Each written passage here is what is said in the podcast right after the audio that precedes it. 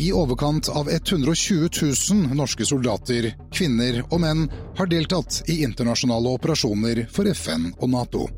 Et øyeblikk, en evighet, gir deg norske soldaters mest intense øyeblikk. Øyeblikk som varer en evighet.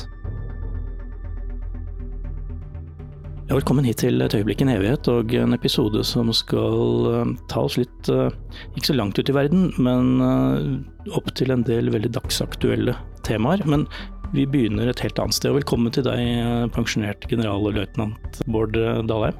Tusen takk. Arne er vel egentlig det du ja, liker å bli kalt? Ja, det syns jeg er det enkleste. Du, du er pensjonert. Ja. Men før det så har du jo levd et langt liv i Forsvaret, og hvordan begynte du der? Eh, det var egentlig de rene tilfeldigheter. I 1974 ble jeg kalt inn til eh, Steinkjer-Sandan, som så mange andre ble den gangen. Og eh, etter hvert så fikk jeg tilbud om USK-utdannelse i Forsvaret, og så tenkte jeg at det var jo en bra måte å bruke førstegangstjenesten på. Og hadde aldri egentlig noen planer om å bli yrkesmilitær, den hadde ikke streffet meg. Jeg var klar for universitetsstudier og hadde kommet inn på juss og statsvitenskap og sosialøkonomi og gikk litt rundt og tenkte på hva jeg skulle bli, men det var i hvert fall ikke offiser. Men du ble det allikevel. Når, når fant du på at uh, dette, dette, er jo litt gøy, dette vil jeg fortsette med? Eh, det var nok i perioden eh, ganske tidlig faktisk under befalsutdannelsen at jeg begynte å få sans for dette. Jeg syntes det var mye gøy. Som ung sersjant fikk jeg mye tillit, mye spennende arbeidsoppgaver. Og så endte jeg opp med å søke krigsskolen i 76, eh, og etter en tid har jeg aldri sett meg tilbake, og har heller aldri angret på at jeg ble offiser. Hvordan fungerer det? Altså, setter du da plutselig et mål om at uh, om så og så mange år så skal jeg bli oberstløytnant, og så er du oberst, og så altså, har du den store pokalen liksom i sikte, eller, eller, går det som det går? Jeg tror nok at for mitt vedkommende så eh, har det gått som det har, uh, har gått, uh, egentlig. Det er klart, det som har kjennetegnet meg, at jeg alltid syns de stillingene jeg har hatt har vært uh, veldig morsomme. Og eh, jeg har også tatt de stillingene jeg er blitt uh, tilbudt, og etter hvert så begynte jeg å stige gradene, og noen må jo ha ment at jeg ikke gjorde bare dumme ting, selv om jeg noen ganger gjorde det også. Og så endte det da opp med at jeg ble generalløytnant, men det ville jeg nok aldri spådd den gangen jeg begynte. Det er jo ikke vanlig at sånne bygderaringer fra Øverbygd i Indre Troms ender opp som generalløytnanter. Nei, og du har klart å legge fra deg den dialekten også, ganske radikalt, synes jeg. Ja, det er blitt veldig mange år siden jeg bodde der, og så skal man jo også huske på at uh, er du på Øverbygd, så har du jo uh, en østerdalsdialekt i bunnen, ikke sant, som uh, tidvis kan slå igjennom. Jeg må også spørre deg at når du da blir sjef for eh, Fellesoperativt to et kvarter, jeg vet ikke om det het det da du var høvding der, men altså, du begynner å komme opp på ganske betydelige stillinger. Tar du med deg noe av den eh, håper jeg, bakgrunnen du har opp dit, eller, eller nullstiller du deg og bare følger da den stillingen du har? Eh, jeg tenker at eh, den bakgrunnen man har, er jo den som på en måte begrunner den stillingen man har fått. Slik at jeg vil absolutt si at jeg har tatt med meg eh, tingene oppover hele veien. Jeg pleier å si at jeg har en litt sånn marxist-leninistisk historieforståelse. Det er at mens historien beveger seg fremover, så legges det nye ting til, men den har alltid med seg det gamle. Og sånn ser jeg nok på dette. Og det er klart at det å skulle sitte i høyere stillinger sånn som jeg har gjort, uten å ha gått innom en del helt sentrale stillinger underveis, eh, ville nok vært ganske mye mer vanskelig. Men hadde du noen gang noen tanke om at eh, du skulle endre og revolusjonere og eh, omstille underveis, eller, eller hvordan, hvordan, hadde, hvordan gikk du til de stillingene? Eh, jeg har jo hatt mange av de stillingene, egentlig. Eh, allerede fra jeg var oberstløytnant var jeg jo sterkt involvert i endringene av Hæren. Jeg var jo en av hovedarkitektene i arbeidet med Divisjon 2000, eh, eksempel. Og utviklet også det motoriserte infanterikonseptet når jeg var sjef for 2. bataljon på Skjold, og senere sjef for brigaden i Nord-Norge. Så både på det grunnplanet så har jeg vært involvert i omstilling i stor grad. Jeg ledet jo også arbeidet med eh, omstillingen av Forsvarets øverste ledelse. Jeg var jo ansvarlig for det mange mener eh, ikke var en så bra sak, den integrerte strategisk ledelse, som jeg nok eh, fortsatt vil forsvare i betydelig grad. Men det er nå en annen historie. Og senere, selvfølgelig, som sjef for fjerde avdeling, så var det jo langtidsplanlegging, forsvarspolitikk og endring som på mange måter var på dagsordenen hele tiden. Jeg har lyst til å pirke litt i det, fordi eh, som du kom kjapt innpå, så var jo mange av disse omstillingene og mange av disse endringene omstridt, og er det fortsatt i dag. Og, eh, nå, hvis vi setter oss ned her eh, i januar 2023, hvor vi spiller inn dette her og ser hva som foregår i Europa nå med, med denne krigen i Ukraina, som vi også skal komme tilbake til, ville du ønsket at det hadde vært andre eh, endringer da du holdt på? Jeg tenker at eh, de eh, endringene som vi jobbet med da, har ikke direkte så mye å si for den situasjonen vi akkurat nå er i. Jeg var nok av den oppfatning, og er fortsatt, at løsningen med en forsvarssjef som også hadde en viktig posisjon internt i departementet, var ganske god, og ga en mulighet for maktutøvelse fra forsvarssjefens side, som egentlig var ganske unik. Den tiden jeg jobbet med dette og var rundt i andre departementer og diskuterte, så skjønte jo aldri departementsrådene i våre andre departementer hvordan Forsvarsdepartementet kunne gå med på å skape en sånn vaktkoloss, ikke sant, som både var etatssjef og satt i departementet samtidig. Det var litt uhørt for dem, men uh, i Forsvaret ble det aldri oppfattet på, på den måten. Men når du sitter på toppen eh, og, og, og skalter og valter med det altså, hvis, Du er jo en samfunnsengasjert eh, person, og så ser du da de stadige tilbakemeldingene om at nei, Forsvaret er for lite, det blir bygget ned, vi er ikke på høyden, vi burde gjort mye mer, vi, vi burde vært større, vi må tilføre og sånn.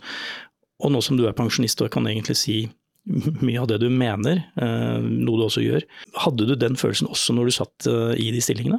Ja, selvfølgelig hadde vi den følelsen, og jeg i særdeleshet. Jeg var jo både som sagt sjef for langtidsplanlegging og forsvarspolitikk, som jo har å gjøre med både nær og fjerne budsjetter. Og senere som sjef for forsvarsstab var det jo eh, disse problemene som var eh, påfallende hele tiden. Og det er klart, vi hadde alltid for lite penger til å drifte organisasjonen optimalt, og kjøpe det man strengt tatt mente at man uh, trengte. Så, uh, men det er jo alltid sånn, ikke sant, at uh, jeg pleier å si at et hvilket som helst budsjett, det skal være statsbudsjettet eller forsvarsbudsjettet, er jo politiske prioriteringer avkledd retorikk, ikke sant. Slik at du får, det du får, og til syvende og sist så skal også en sko størrelse 47 ned, eller en fot størrelse 47 ned i en sko på 42, og da faller noe utenfor. ikke sant. Og det var den prosessen vi drev med stort sett hele tiden. Hva skulle du ønske skjedde fremover nå med Forsvaret? Burde vi ha en annen innstilling? Burde noen eh, på toppene nå tenke at eh, her bør vi egentlig ta litt eh, innover oss det som skjer eh, sikkerhetspolitisk, og ruste opp igjen? Jeg er jo helt sikker på at man bør ta det inn over seg, det som uh, skjer akkurat nå. Uh, det er for så vidt det bare en bekreftelse på noe vi har visst veldig lenge. At uh, det er behov for mer penger hvis man skal bygge opp Forsvaret. Det som kanskje bekymrer meg en del, er jo at selv i år så har jo ikke forsvarsbudsjettet fått noen vesentlig økning, selv om Russlands krig pågår i i Ukraina.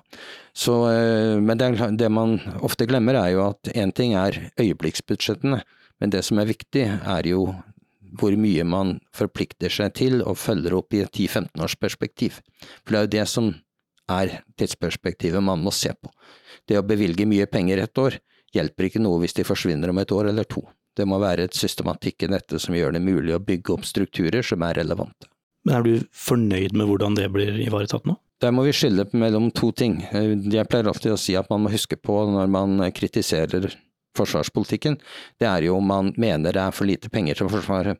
Hvis man adresserer den delen av det, så er for så vidt den militære ledelsen ikke den rette adressaten, det er våre politikere. Og så kommer det neste spørsmålet, om du er uenig i hvordan forsvarssjefen utformer Forsvaret innenfor de økonomiske rammene han har.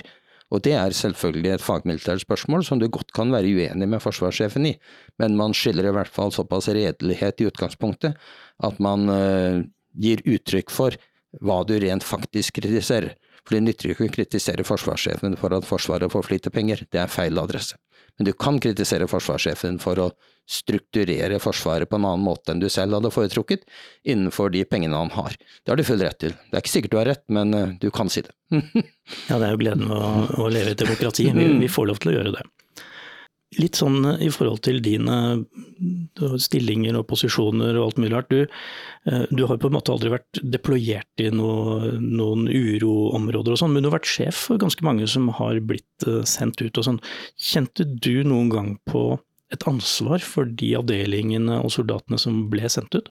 Ja, så, eh, så absolutt. Jeg var jo eh, sjef operasjoner eh, på Huseby gamle Forsvarets overkommando når 9-11 inntrådte.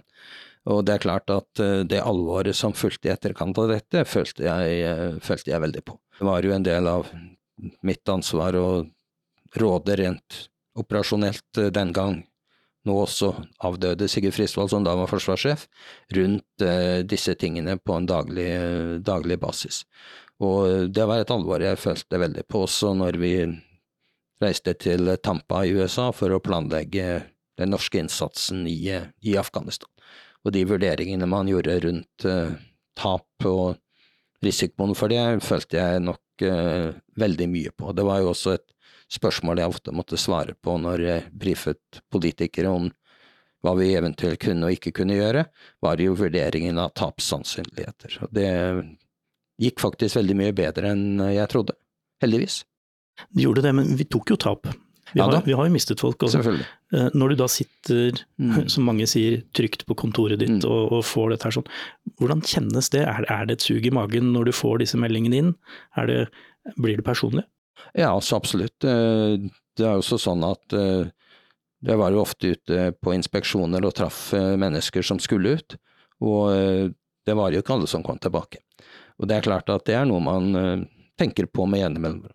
Du ble også, for å ta det litt sånn, om ikke kronologisk, så i hvert fall kanskje sette landskapet litt på plass her. Når, når du kommer opp på nivå generalmajor, og kanskje høyere, så, så plutselig er du med i, i konkurransen om å komme helt på toppen og bli forsvarssjef, altså bli hovedgeneral. Er det en, en Endrer spillet seg når du kommer opp, i de, eh, opp, opp på den, eh, den platået der? Jeg føler ikke at det endret seg for mitt vedkommende. Eh, det å bli generalmajor er i seg selv ganske eksepsjonelt, slik at jeg hadde nok ikke noen forhåpninger om at man skulle rykke videre opp fra det. Man vet jo hvor hvor trangt nåløyet egentlig er. Men så viste det seg at det ble sånn likevel. Så, ganske overraskende egentlig, men det ble sånn. Mm. Og så nådde du ikke helt opp, da. Det, det, var andre som ble valgt foran deg. For å si det på den måten. Mm. Og de stillingene som du da fikk, du ble i stedet vår øverste talsmann og militærperson i Nato? Ja, så absolutt. Og jeg må jo si at jeg, etter eh, tre-fire år som sjef forsvarsstab og som stedfortredende forsvarssjef i tillegg, så er det klart at glansen ved å være forsvarssjef, det var kanskje ikke like synlig for meg som den kunne vært for andre som ikke hadde prøvd det på samme måten. Så uh, jeg syns det var uh, Vi fikk en veldig god forsvarssjef, Harald gjorde en kjempejobb. Vi var jo krigsskolekamerater sammen. og tjenestegjort eh, mange ganger sammen. Så det var et supergodt eh, valg på alle måter. Og eh, jeg var veldig heldig, jeg fikk dra til Brussel, noe jeg egentlig hadde hatt lyst til i mange år. Og så skjedde jo da det som nærmest ikke skal kunne skje, at vi også ble valgt til sjef på NATO Defense College. Det har jo Norge bare hatt én gang før, og det var på slutten av 60-tallet. Hva innebærer det, for det er jo, som du sier, ikke ofte at det forekommer. Altså, mm. Hva betyr den stillingen?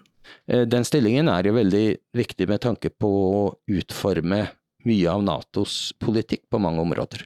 Fordi at uh, en ting er selvfølgelig uh, viktigheten av å utdanne fremtidige Nato-offiserer, men Nato Defense College brukes jo også i en, det som vi kaller en outreach-rolle, hvor vi altså sørger for at vi har partnere til uh, stede på de forskjellige kursene, også hovedkurset.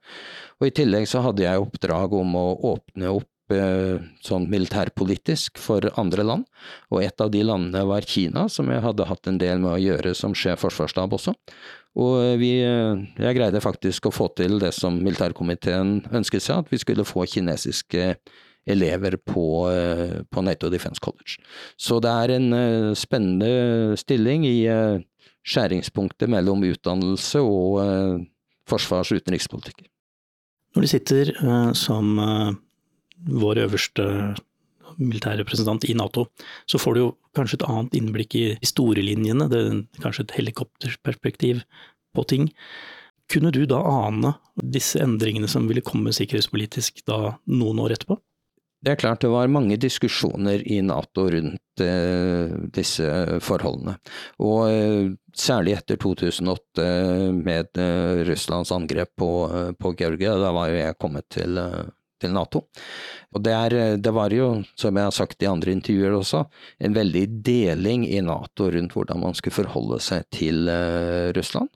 Og eh, det var et visst spenningsfelt i dette. Å diskutere hvordan man skal håndtere Russland var faktisk et av de vanskeligste spørsmålene å diskutere. Eh, det Natos strategiske konsept i 2010 omtaler jo fortsatt Russland som en partner, veldig positivt. Og likevel så er det jo ikke til å stikke under en stol at det var betydelige spenninger i Nato rundt den teksten, hvor altså Tyskland jo var førende for den fraksjonen som mente at eh, man måtte forstå Putin og forstå Russland. Det er jo ikke tilfeldig at noen av disse ble kalt Putin-forsteer på tysk, ikke sant, altså den som forstår Putin. Og så hadde du selvsagt våre nye allierte, som jo hevdet at Russland egentlig hadde vært og var og ville forbli hva det egentlig er, og i virkeligheten så er det jo sånn at det synet våre nye allierte hadde på Russland, er jo det i dag som er fremherskende. Det var deres syn som viste seg å bli det riktige. Ja, og de mente jo at uh, Russland er en trussel, og, ja. de, og, det har de jo ettertrykkelig bevist nå mm. gjennom det siste året. Ja. Og egentlig siden 2014. Fordi du sluttet jo i disse stillingene. Jeg sluttet uh, i Nato uh, som NATO Defense College-sjef i 2014. jeg fikk med meg de, de, første bevegelsene i Ukraina. Blant annet var vi med NATO Defense College og holdt kurs i Ukraina i april 2014. Da var mange av de jeg kjente fra året før allerede sendte fronten, som allerede hadde begynt i, i Donbass. Ja, fordi mange av oss har kanskje glemt, eller mange der ute har ikke tatt helt inn over seg at denne krigen vi sitter midt oppi nå, den, den begynte egentlig i 2014 med angrepet på Ukraina? Ja, og det, det er klart eh, selve anneksjonen av Krim ble jo egentlig et, ikke et angrep, det ble mer enn at man besatte området uten motstand. Men eh, det var ganske harde kamper i, eh, i Øst-Ukraina utover sommeren 2014. Eh, man fikk jo den første Minsk-avtalen i september i 2014, etter et av de virkelig store slagene ved Ilovaisk, som ligger ikke langt fra Donetsk i, i Donbass. Eh, og eh, kampene pågikk jo da fremover til og med februar 2015, hvor det da de siste trefningene var ved Depaltseve, mens eh, egentlig FN behandlet Minsk-avtale 2. Ja, Så det, det vanskelige og uoversiktlige tingene starta for lenge siden? Ja, i realiteten gjorde det jo det, og det som selvfølgelig er bekymringsfullt, og som jeg også har tillatt meg å være veldig kritisk til, er jo den uh, tyske ledelsen uh, etter etter 2014. Eh, det er ingen tvil om at ikke de eh, svake reaksjonene på Russlands aggresjon i 2014 i alt vesentlig skyldtes at Tyskland og til en viss grad Frankrike holdt igjen. Og eh, Merkel liker jo til det skrittet å undertegne Nord Stream 2 i 2015, ikke sant, etter at angrepet på Ukraina hadde funnet sted. Hvilket etter min mening er en utilgivelig feilbeslutning. Du valgte å dra tilbake til Ukraina da du var eh, ferdig i Forsvaret. Mm.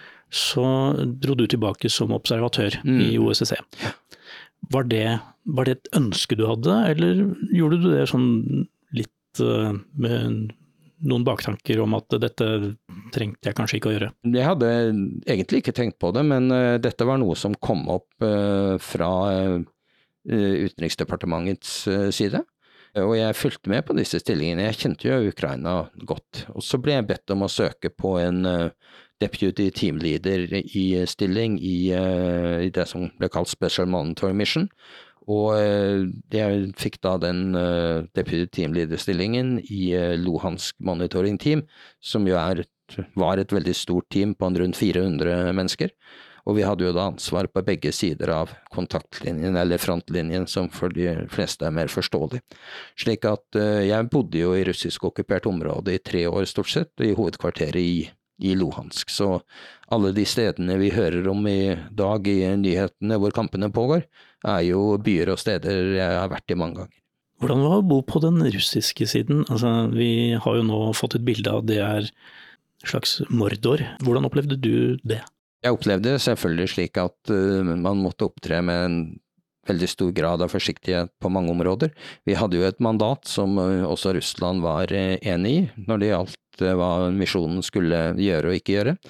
Og jeg oppfattet nok det som relativt uproblematisk. Det var et spørsmål om å holde orden på papirene og tankene sine, og delta i forhandlinger om ulike spørsmål, sørge for at rapportene gikk sin gang, og være ute og følge med på eh, den aktiviteten som monitoren eh, drev med. Så eh, jeg oppfattet også som en veldig givende arbeid, fantastisk spennende, helt på høyde med å være i, være i Forsvaret.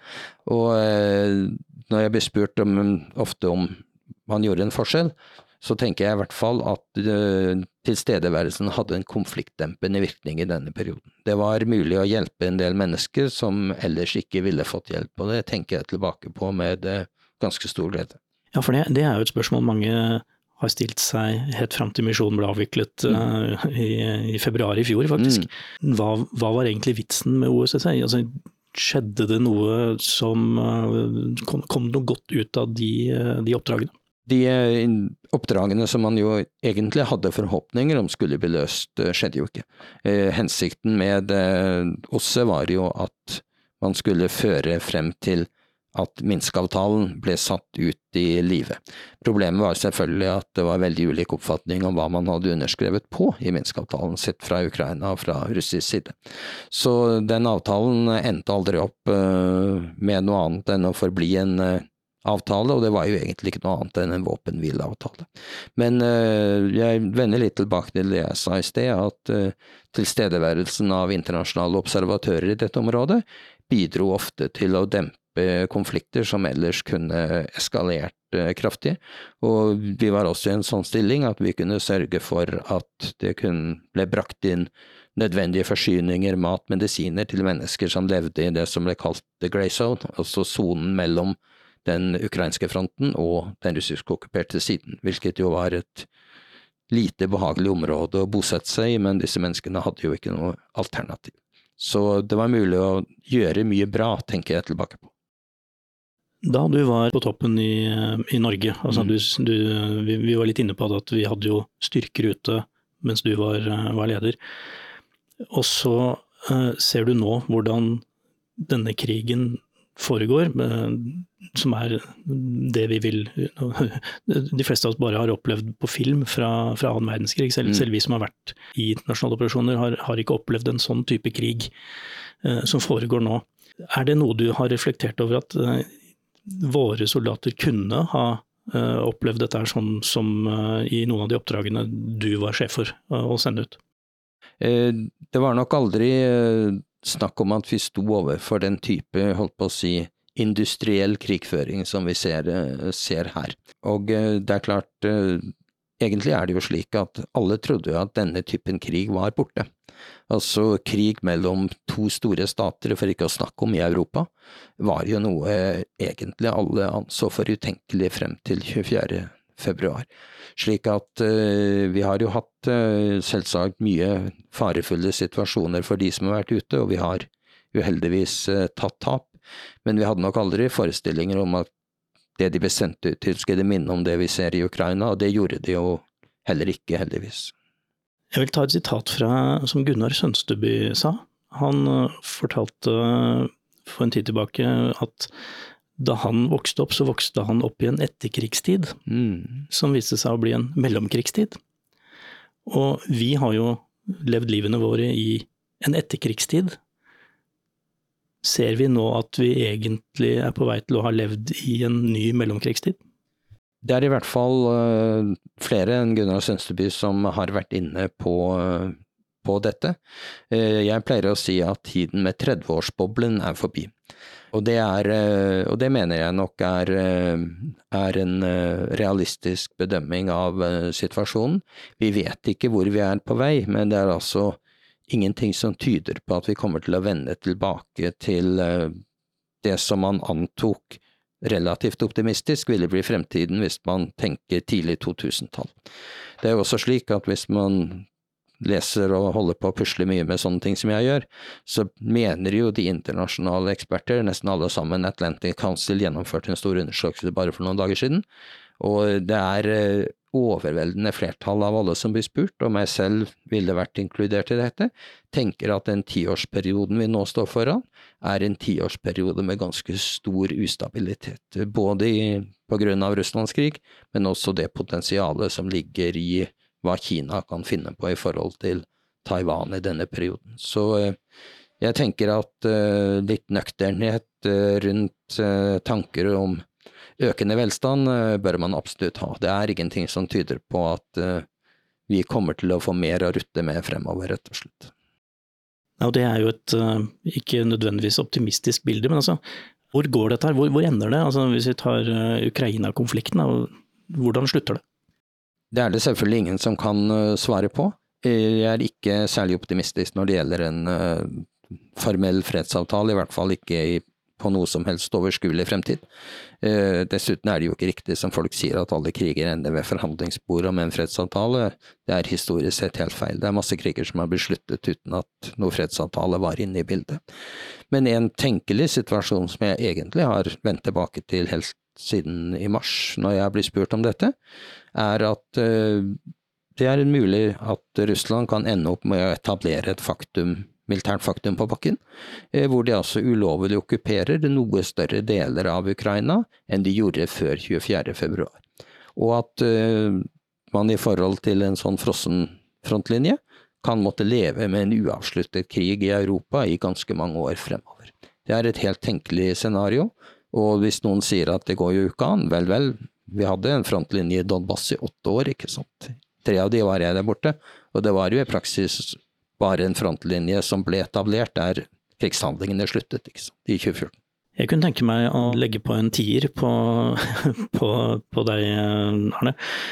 Basepolitikk. Eh, sånn som situasjonen er nå, den sikkerhetspolitiske situasjonen er nå, så vet jeg at du er Eh, har noen tanker rundt den norske basepolitikken? Ja, jeg har skrevet mye om det, så jeg kommer meg ikke unna det. Alt som står på trykk, står, så eh, jeg kan også snakke litt om det her.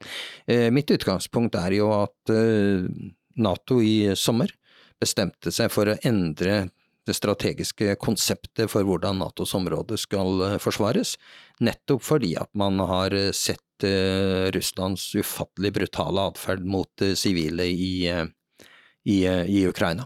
Og det man eh, bestemte seg for, var jo altså fremskutt eh, forsvar, altså at eh, Natos territorium skal forsvares fra grensenære områder mot Russland umiddelbart og med stor styrke. Og det tenker jeg er en riktig strategi. Det kan også legges til at Polen driver faktisk og endrer sin forsvarsstrategi, og flytter altså større styrker øst for elven Vistula, nettopp med den begrunnelse at hele Polens landegrense må forsvares, og altså grensenært i forhold til eh, da særlig Hviterussland. Nettopp fordi at ikke Pols territorium og Pols befolkning skal bli utsatt for det man har sett har skjedd i Ukraina.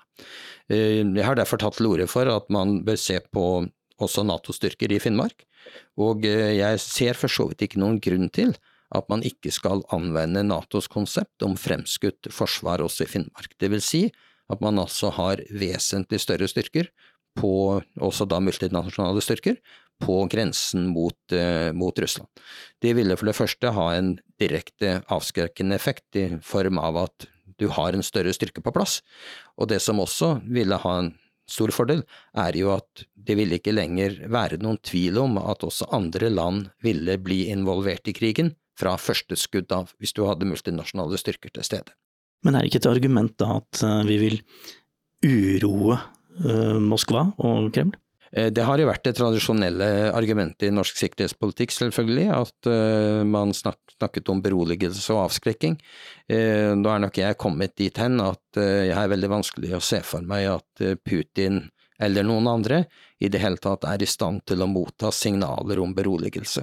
Eh, jeg tror ikke at vi i Norge skal ha ambisjoner om å påvirke hva Russland foretar seg eller ikke. Og det er iallfall én ting som er helt sikkert, at eh, akkurat nå synes det ikke å være at Putin trenger å bli ytterligere beroliget. Det er nok snarere sånn at han bør bli vesentlig mye mer bekymret enn han er nå. Ja, og da vil jo en, en samlet front uh, også på norsk jord være, være, ha en effekt. Det er klart at det vil også ha den effekten at man tydelig signaliserte til befolkningen i Syd-Varanger at man har ikke tenkt å oppgi eh, områder og la de komme under russisk okkupasjon. For det vil jo være konsekvensene av en strategi hvis man tar opp eh, striden lenger vest i eh, Finnmark. Det kan jo også legges til at eh, både Finland og Sverige har jo oppfattet situasjonen å være så ekstremt dramatisk at de har forlatt flere hundre år med nøytral tradisjon og søkt NATO-medlemskap. Og i den settingen så ville jo en endring av basepolitikken fremstå som en relativt beskjeden uh, sak.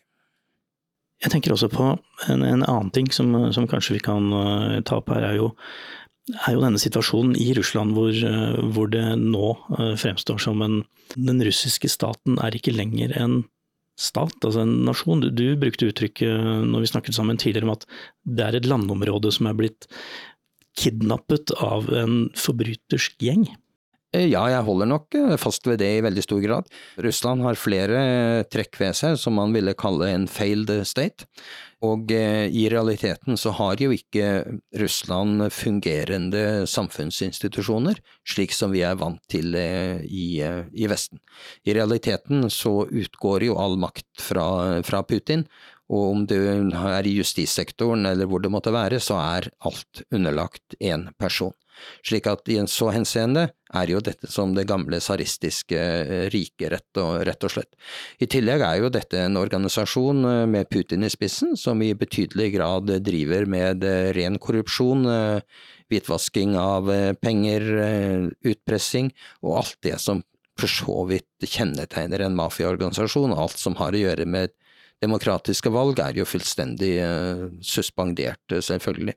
Ja, for vi, vi, ser jo disse skikkelsene som, som kommer. Vi har jo den denne berømte kokken til Putin, vi har vår venn fra Tsjetsjenia, som, mm. som, begge fremstår som lite trivelige personer, og som dessverre da også har, har, makt bak seg i form av Vi har Wagner-gruppen, ikke sant, som, som jeg tenker er en slags moderne russisk SS.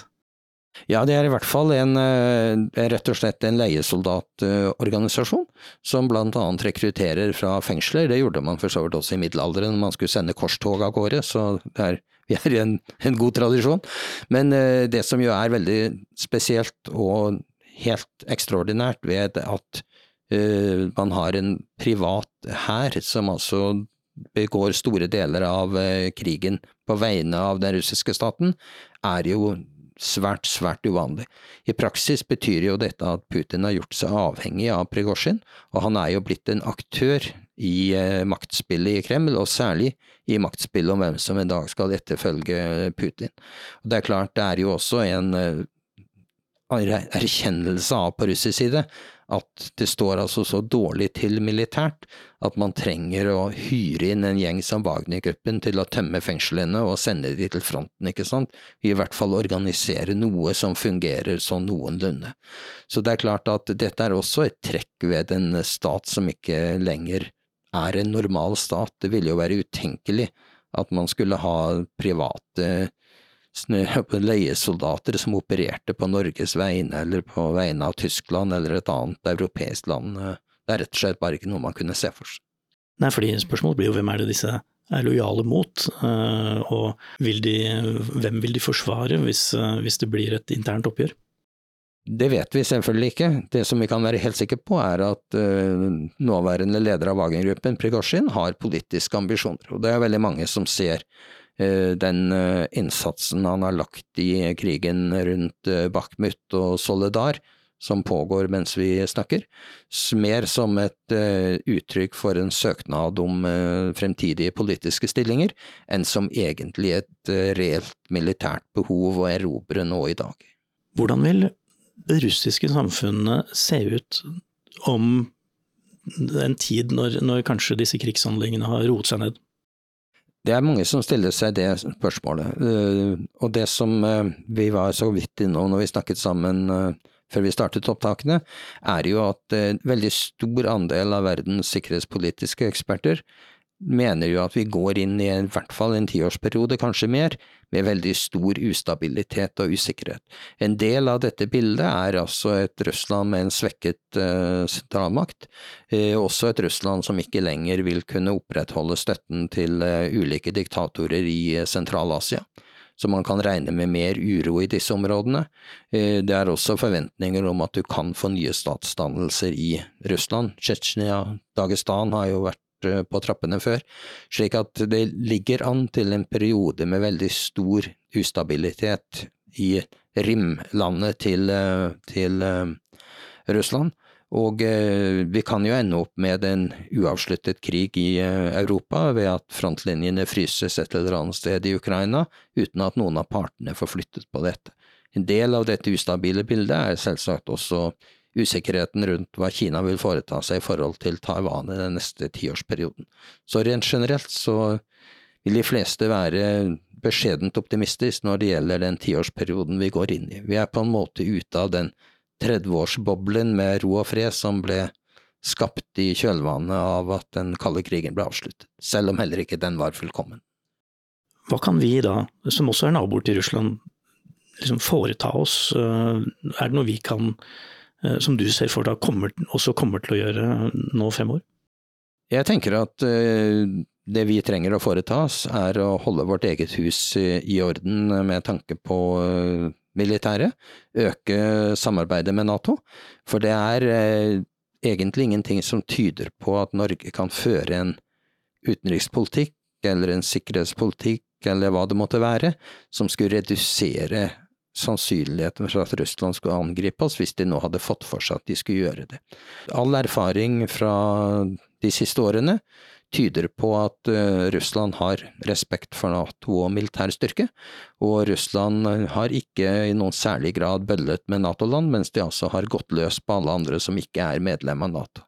Så det man egentlig kan si er jo at den sikkerhetspolitiske tenkningen, som mye godt har vært rundt at man skulle binde opp Russland med avtaler gjennom OSSE-prosessen, gjennom andre avtaleverk, egentlig har feilet spektakulært. Russland har altså ikke latt seg begrense av noen av disse avtalene, men de har latt seg begrense av Natos avskrekking. Og det tenker jeg er noe Norge bør ta med seg inn i fremtiden.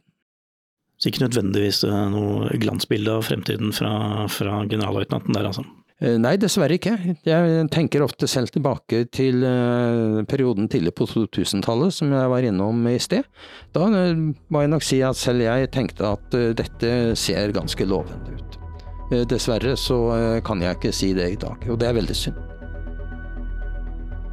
Dette er en av mange unike historier om selvoppofrelse og mot fra våre soldater. Her lar vi soldatene selv fortelle om de intense øyeblikkene akkurat slik de opplevde det. Historier som rett og slett er blitt et øyeblikk, en evighet.